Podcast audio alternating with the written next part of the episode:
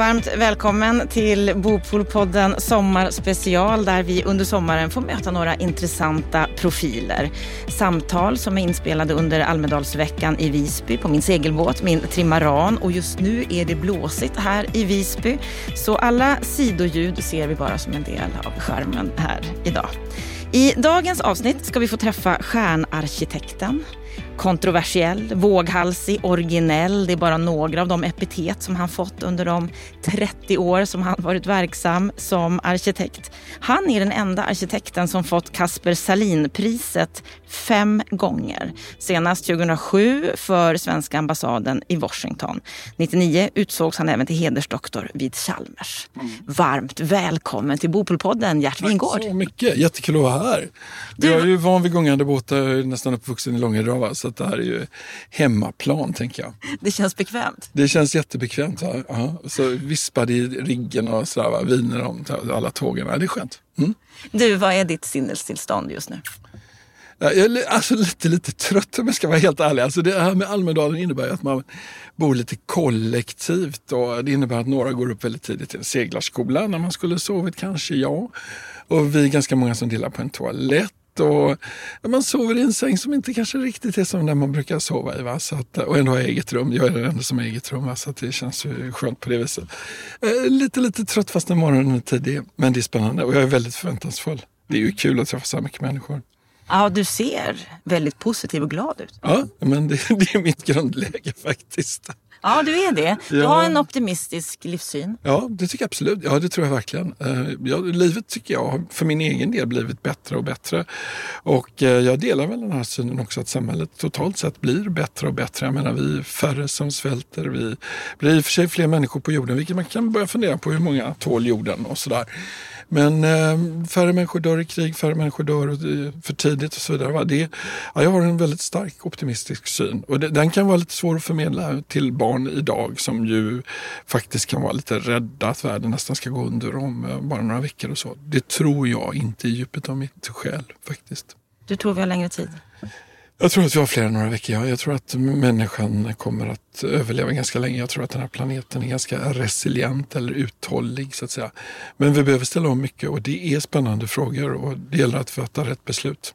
Ja, vi ska återkomma till det här med hållbarhet lite längre fram i samtalet. Jag tänker, vi har ju träffats vid ett par tillfällen tidigare ja. för några år sedan. Och jag får ju en väldigt positiv bild av dig. Vid ett tillfälle så visade jag dig ritningar på mitt andra hus som jag skulle bygga. Och du var väldigt positiv. Ja. Och då... men det var väl ett fint hus då tänker jag. Ja, eller också är det det att du är väldigt positiv. Och... Jo, men ja, absolut. Jag försöker nog vara positiv. Nej, men jag tycker att från det utgångsläget kan man ändå vrida saker och ting hela tiden. Även om man tycker att det är utvecklingsbart, som är ett försiktigt ord att säga att det var helt fel. Ja, nej, men jag kände mig i alla fall att det var välsignat av Gert Wingård och då ja. kunde vi gå vidare. Och vi är väldigt nöjda med slutresultatet. Vi har byggt det och det blev väldigt bra. Yes, mm. yes, yes, yes. Och för, för många är ju du den här stjärnarkitekten. Det, det Gert Wingård säger, ja. det, det, det, litar vi på. Är det ett projekt som har byggts av Wingård, ja men då blir det bra. Hur känns det att vara så betydelsefull i arkitektvärlden? Ja, men det ser man ju inte själv överhuvudtaget. Jag tror inte att jag ser helt sant heller. Va? Så att, eh, men jag tycker det är väldigt kul så jag har börjat med det här tv-programmet Husdrömmar. Eh, därför att då får jag ju ibland se vad andra arkitekter med sina auktoritet och föreslår eh, värnlösa små människor. Eller små människor, det var lätt lite patroniserande. Men det, det är rätt kul att se det, för det är inte alltid man tycker att argumentationen är rätt. Och eh, då får man ju lite funderingar själv på vad det är man föreslår i olika sammanhang. Så det är ett nyttigt perspektiv att få det där kundperspektivet då och då, tänker jag. Och när jag googlade om dig här nu så, så, såg jag att du skulle egentligen inte ha blivit arkitekt. Nej. Om dina föräldrar hade fått välja skulle du ha blivit läkare. Du var inställd på att bli konsthandlare. Hur kom det sig att det blev arkitektbanan? Nej, men jag var ganska målinriktad. Det, precis, det var nog framförallt min mamma som var en frustrerad undersköterska som liksom gav upp sin karriär för att göra ett barn eller ta hand om ett barn som väl var normalt på 50-talet. Hon ville att jag skulle bli läkare. Och så sent som när jag var 50 år gammal så gav hon mig Bonniers stora läkarbok med en läkare, en vit rock och stetoskop på omslaget. Och så sa hon, Gert, det här kunde ha varit du. det är ganska gulligt. Hur kände du då? Nej, jag kände att jag hade svikit min mor i att inte bli det hon ville. Men jag var nöjd med mitt svek i och för sig.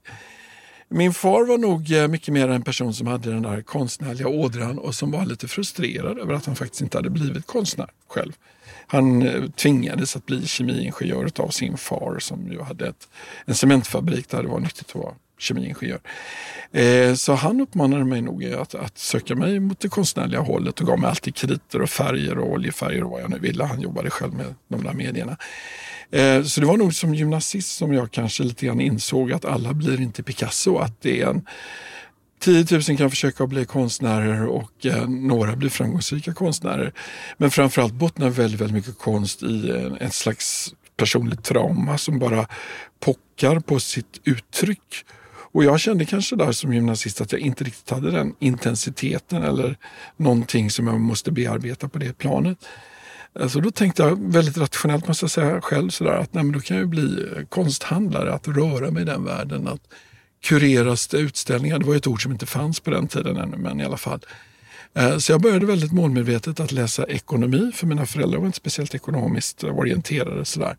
Och så läste jag konstvetenskap. Och när jag läste konstvetenskap då började man prata om arkitektur som en konstform.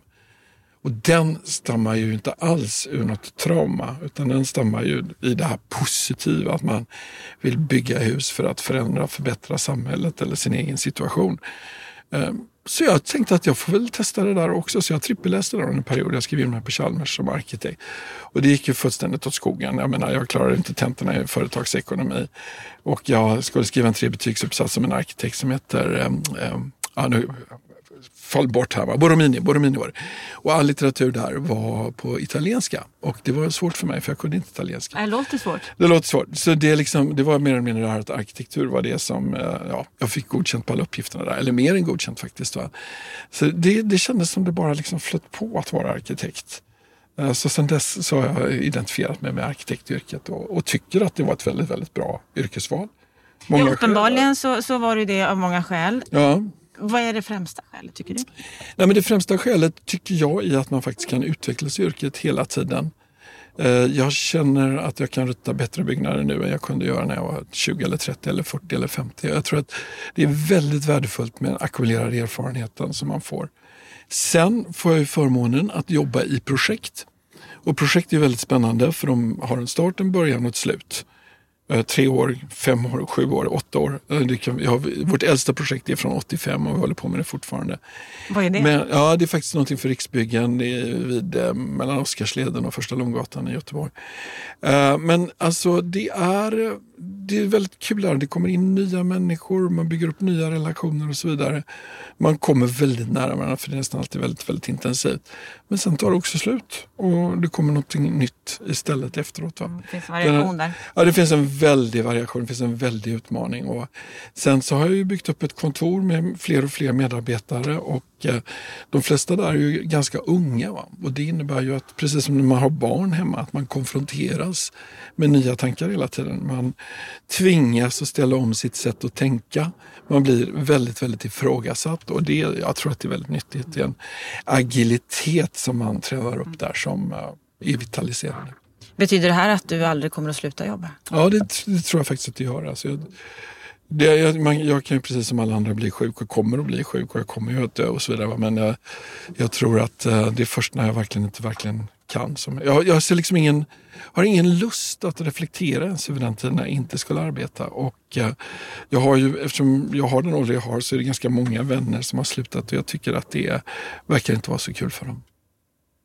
Om du ser tillbaka på din karriär och det du har gjort, vad är, vad är du mest stolt över? Jag tror att jag numera är mest stolt över att jag byggt upp ett kontor som har en sån fantastisk eh, förmåga att agera med varandra. Alltså alla de här mänskliga relationerna jag byggt upp, de är jag nog mest stolt över. Uh, sedan så är jag väldigt, väldigt nöjd med det hem som jag byggt åt mig själv och min hustru Karin uh, på Tofta. Vi kallar det för Sand. Uh, det är en slags blandning. Jag, jag, tycker det är mycket i det där som känns i tiden. Alltså vi arbetar med ett torp från 1600-talet i sina äldsta delar uh, som vi har pimpat och förändrat. Men vi rev det inte och själv varför vi inte rev det det var naturligtvis att när man är nyskild, vilket vi bägge två var, då är ekonomiska situationen som oklarast. Va? Men det ligger någonting i att man faktiskt hela tiden förhåller sig till någonting som är gammalt, som är rätt positivt. I ett av rummen så har vi tagit bort en vägg och ersatt den med en glasskiva så man inte kan se att det är en glasskiva till exempel. Det blir en otrolig förändring, tycker jag, bland det bästa jag ritat. Och det finns en veranda där som är extremt enkel uppbyggt av en tum, två tums reglar och tunt, tunt glas. Som ett uterum som, eh, ja, för mig är det som en klassisk eh, grekisk tempel i sin enkelhet. Va? Ja, men det är högtravande ord där, va? men jag kan tycka att det är bland det bästa som jag, eller vi, har ritat. För min hustru är arkitekt också har sitt finger med i spelet lika mycket som jag. För jag måste erkänna att, att när jag har sett ett, ett verk som, som du har gjort och dina medarbetare så har jag funderat på hur tänker han egentligen? Okay. Och det är ju Tingshuset i Örnsköldsvik. Ah, jag kommer ju från Örnsköldsvik. Legohuset ja, det är, det är balkonger i alla möjliga färger åt alla väderhåll. Liksom. Och jag tänker att antingen älskar man ett sånt hus eller, eller också tycker man att det är, är, jobbigt, är, är något konstigt. Har du träffat någon som inte älskar det? Eh, nej, jag har ju faktiskt inte det. Nej. Nej, men jag tycker också det. Jag vet ju att det finns människor som inte älskar det eftersom det har blivit omröstat till att vara Örnsköldsviks fulaste hus. Va? Så någon måste det ju vara. Men det kom ju också två i tävlingen, i samma tävling om vilket som var det mest älskade huset. Va? Men hur kommer det sig tror du? Nej, men jag tror att det väcker ganska starka känslor för, eller, för och emot. Va? Och jag tycker det är väldigt roligt att kunna väcka känslor hos människor. Så att eh, det, det är bra, tänker jag. Men jag tror också det är ganska tydligt att det nästan är en symbol för Övik nu. Det är det mest karaktäristiska huset som man eh, ja, kommer att måla upp i. Och, och det där huset, det, det, det, är inte speciellt typiskt för vad jag har detta. Vi har gjort några färgstarka hus uh, ytterligare. Men, uh, men det är också, det, det, är någonting i en process där. Och, och, en förmåga att fånga tillfällen i flykten som jag tror är det. Ja, jag vill gärna använda det ordet, det där agilitet en gång till. Som betecknar min och kontorets arkitektur när den är som bäst. Det jag funderar på lite det är att, som du säger, du vet att inte alla älskar det. Uh -huh. Är det viktigt att göra och, och, och, skapa byggnader som folk tycker om? Är det viktigt att bli omtyckt för det man gör? Ja, eh, jag tror att alla människor vill bli omtyckta. Jag tror det är jätteviktigt för alla att vara omtyckt. Men jag tror inte att det är så kul att vara omtyckt för att man är bara är lagom. Utan man måste på något sätt liksom våga ta ut svängarna och, och sådär. Och jag är inte säker ens på de som tycker illa om vårt hus att de egentligen tycker illa om det utan att det är mer en conversation piece att säga att det här gillar jag inte. Men det är min egen lilla fundering. Ja, men det säger du med stort leende. Ja, det gör jag verkligen. Men jag, jag tycker det var så roligt för att det, det, det, när huset var invigt så delade jag taxi ut med eh, en person som jag hade haft uppdrag med tidigare och som jag vet inte var så förtjust just min person. Sådär, lite avundsjuk, lite sned sådär. Och så sa den här personen, ja men du det här huset, det, det är väl lite grann som Pippi Långstrumps villa Villekulla. Och då visste jag att det var det värsta han kunde säga. Och för mig var det nästan det absolut bästa man kunde säga. Att likna någonting vid Villa Villekulla och Pippi Långstrump som är nationalidoler. Wow, vad stort tänkte jag. Men eh, han hade nog tyckt det var bättre om det hade varit någon tråkig funkisbyggnad från Per Albins tid eller sådär. Ja, det är häftigt det här hur olika vi kan se på saker och ting. Och någonting som verkligen har skapat uppmärksamhet och där du har skapat uppmärksamhet det rör arkitektupproret. Mm. Hur ser du på det? Jag, jag tycker att det här arkitektupproret är en lite konstig... Jag, jag, alltså jag, jag förstår att man ifrågasätter arkitektur och det, allting ska ju alltid ifrågasättas. Det är ungefär som en DN skickar ut en testpatrull för att smaka på mat på olika krogar. Va? Det är väl, man ska hela tiden ta temperaturen på arkitekturen och reagera och så vidare. Det är bra. Och den debatt som de har skapat är jättebra. Men den medicin de föreslår är ju en återgång till en klassisk arkitektur med vissa ganska stränga regler och så vidare. Och det kan inte jag förstå att någon går på överhuvudtaget. Idag är ju allt tillåtet. Klassisk arkitektur, modernistisk arkitektur, senmodern arkitektur, postmodern arkitektur, eh, ska vi säga, kraftigt expressiv arkitektur, tillbakalutad arkitektur, minimalistisk arkitektur. Eh, kulturellt är det en extremt eklektisk tid. Och varför ska man bara begränsa sig till det klassiska? Nej, jag förstår ingenting. Nej, och där är du tydlig att du inte tycker det. Och där är ju du som ett rött skynke för de som driver arkitekturupproret. Och det finns ju otaliga inlägg på Facebook och så vidare där, de, där de nämner dig som svingård bland annat. Ja, absolut. Och jag brukar alltid dra två streck över eh, S så blir det dollarvingård istället. det gäller att ta allting positivt. Men i en intervju i DTV i höstas ja. så sa du att hus gärna får förnyas ja. inom 15 år. Ja. Kan du förstå att det väcker reaktioner? Ja, men det är väl bra att hus förnyas inom 15 år. De rivs ju inte utan de förnyas ju. Jag menar, ett bra hus är ju som alla de här på Strandvägen eller var du vill där folk älskar husen. Där byter man ut kök när de är inte längre är moderna. Där målar man om ett sovrum. Det är inte tal om att riva det hela utan det är att förnya olika saker med olika långa tidsaspekter i det hela.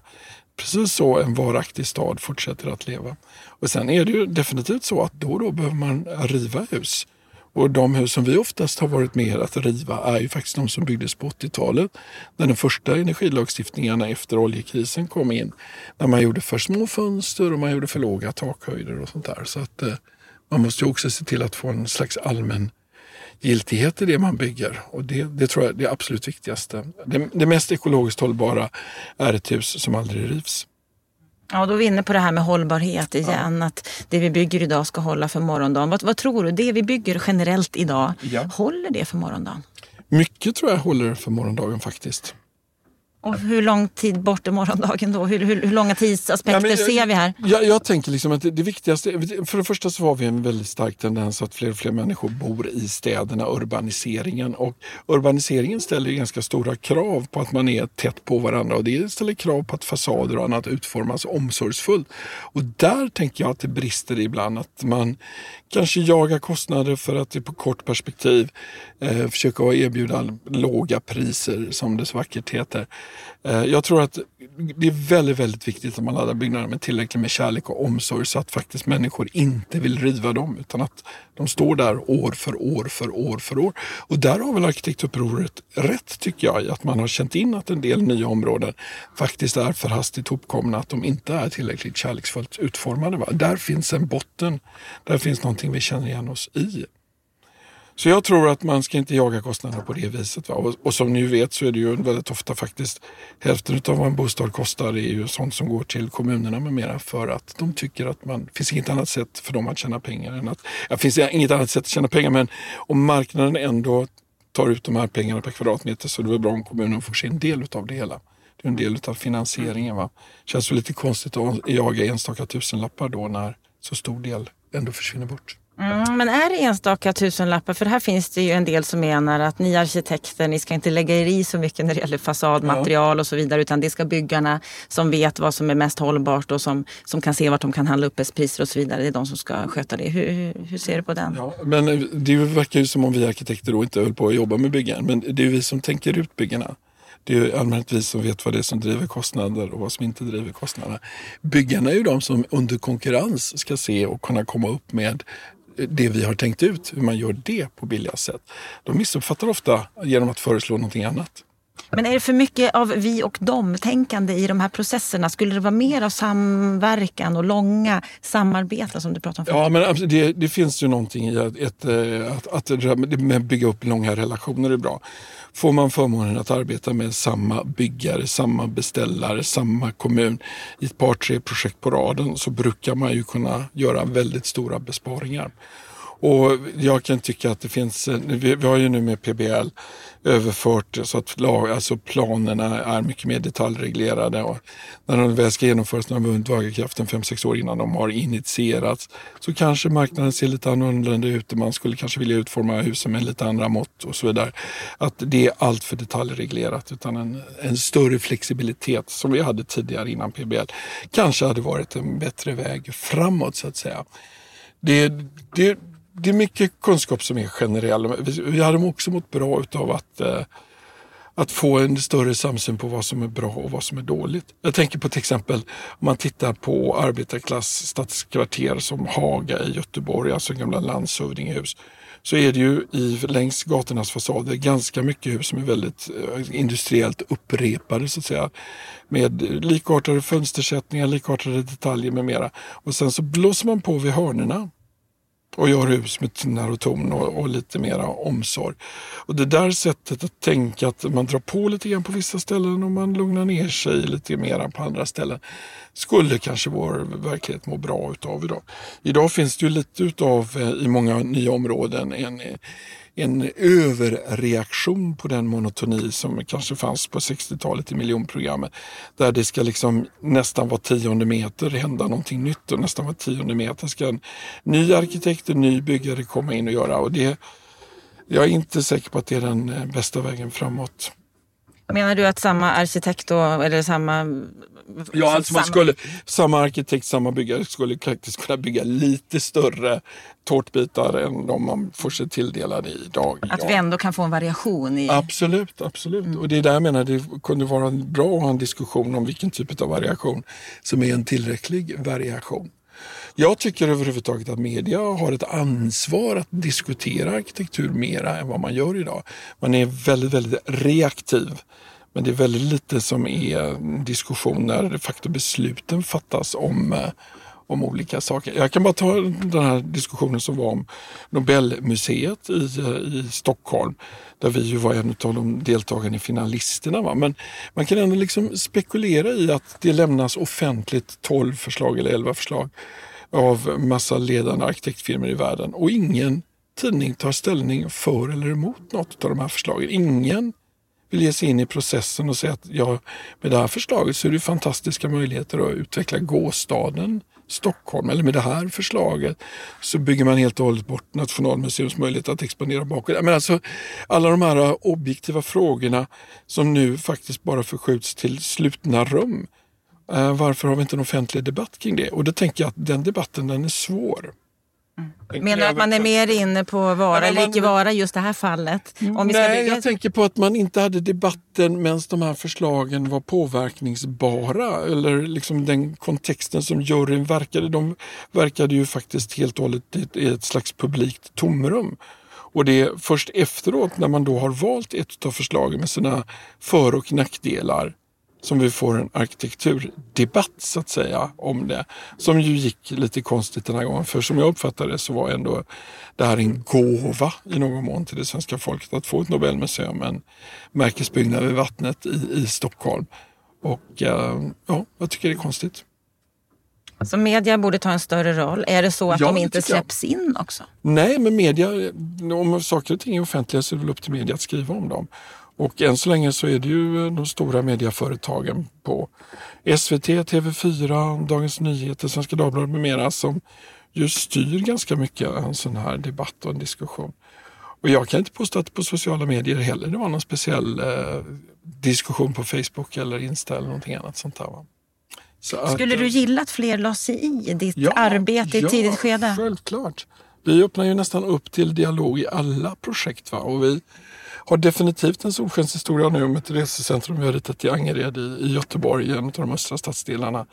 Där en grupp ganska unga stadsbyggare fick ett avgörande inflytande på hur vårt förslag skulle se ut. Alltså de, de sa kapa de här hörnen för vi uppnår det och det och vår beställare och vi var lyhörda för det och det blev en arkitektur som så att säga, den är ju inte gjord av de här människorna för den är gjord av oss men den är ju helt och hållet initierad utav deras ifrågasättande av det. Det är en dialog så att säga.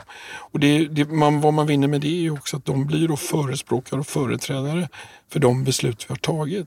Och det här är komplexa beslut. Och de varar ju under lång tid. Alltså jag menar, från det att du bygger ett, eller väljer att bygga ett hus så ska du upprättas en, eller ja, men först ska du till en detaljplan och det är oftast en process på en tre, fyra, fem år. Och sedan ska huset ritas, det tar kanske ett år och sen ska det byggas, det tar ett par år. Va? Det, det är lång tid att hålla en opinion levande och, och, fast vid de här besluten. Och det är ju därför det är så lätt att liksom, det blir någon slags blame game där någon långt bort tillbaks i historien har fattat olika beslut. En sak jag skulle vilja återkomma till det är det här när vi var inne på, på kostnader. Vikten av att bygga kostnadseffektivt. För det är ju en debatt vi hela tiden ja, har. Vi måste bygga ja. billigare, vi måste bygga hus som folk har råd med. Och ofta så kommer vi till det här dilemmat. Hur gör vi det och samtidigt tillvaratar ja. de arkitektoniska intressena som finns? Ja. vi har ju tagit steget nu att i några projekt försöka att arbeta öppet tillsammans med en byggare och med en entreprenör Eh, eller alltså den som har tagit initiativet till projektet för att få en större inblick i vad kostnaderna verkligen är och att förstå med vilka metoder vi kan förändra det vi ritar för att det ska bli mer kostnadseffektivt eller att vi ska kunna få upp en större konkurrens. Och vi har gjort det ju i projekt där vi också gärna vill arbeta för att man ska använda trä som huvudbeståndsdelen i projektet, både i bärande delar och som ytskikt i det hela. Och det projektet är i sin linda, va? men det är extremt spännande och det är onekligen så att man ser helt andra siffror när man sitter på bägge sidor bordet. Jag känner att det, det känns väldigt bra, spännande. Mm. Går det att kapa mer kostnader än vad vi gör idag? När det gäller hur vi utformar våra samhällen och våra städer? Jag tror inte att det är så mycket fråga om att kapa kostnader, men det är att se till att inte onödiga kostnader uppstår. Jag tror definitivt att vi har mycket att vinna på en större form av industrialisering, men jag tror att att samma personer går från projekt till projekt, det är kanske det som betyder allra, allra mest. Det är lite lustigt det där med att man ska göra nytt precis hela tiden när det är någonting som är ganska självklart. Det är lite grann som, det är kul med maträtter att man har en meny att välja mellan. Men man behöver inte alltid experimentera med hur man tillagar en fisk. Den är bra efter några minuters kokning i den och den temperaturen. Man behöver inte experimentera med andra temperaturer och andra tillagningssätt. I allmänhet blir det bara sönderkokt eller rått. Och det är liksom lite fel saker som man konkurrerar med eh, eller varierar när man håller på med byggeri i Sverige, tänker jag. Och nu när det är lite oro på bostadsmarknaden, det byggs lite mindre. Vad har det för betydelse för arkitekturen och stadsplaneringen? Nästan alltid när vi har haft en extrem högkonjunktur där det har producerats väldigt mycket på väldigt kort tid och det är ju oftast resultat av lite dålig eftertanke. En lågkonjunktur får ju nästan alltid till resultat av att man skärper sig och de projekt som verkligen kommer till genomförande är faktiskt väldigt bra och genomtänkta projekt. Så jag tror att det är, en, det är bra. Det är väl bra med ett samhälle som hela tiden pulserar mellan hög intensitet och en eh, liksom, reflektion över det hela. Så det finns något positivt i det här? Ja men det gör det alltid. Va? Jag menar, priserna har ju skjutit i höjden på ett sätt därför att det, det har inte funnits tillräckligt med entreprenad maskiner, tillräckligt med material att leverera och så vidare. Så det är ju brister och, finns det inte tillräckligt med mat då skjuter ju priserna i höjden. Mm. Eh, för att använda den här restaurangallegorin ytterligare. Så. Vad saknar du från politiskt håll? Du var inne på PBL. Finns det något annat där du känner att här borde vi? Eh, ja, alltså, jag Nej, det, jag vet inte vad. Jag, jag, tycker kanske att lagstiftningen skulle kunna förenklas. Samtidigt så tycker jag att eh, de tjänstemän som tillämpar lagstiftningen att de är en viktig garant för att man ska få den här långsiktigheten i byggande som jag tror att de långa livscyklerna och att man faktiskt bygger kärleksfulla byggnader. Jag ser ingen annan än en stark tjänstemannakår som kan garantera det. Men då är det otroligt viktigt att de har bra arbetsuppgifter, ett bra arbetsinnehåll och eh, där är jag inte alltid säker på att PBL har hjälpt till. Där kanske många gånger arbetsinnehållet för en bygglovsgranskare har blivit ytterst begränsat. Och eh, jag tror ju extremt mycket med omdömesgilla människor och lite mindre på regler. Och Sverige är ett land som älskar regler och kvantifiera. Det tror inte jag på. Jag tror på människan.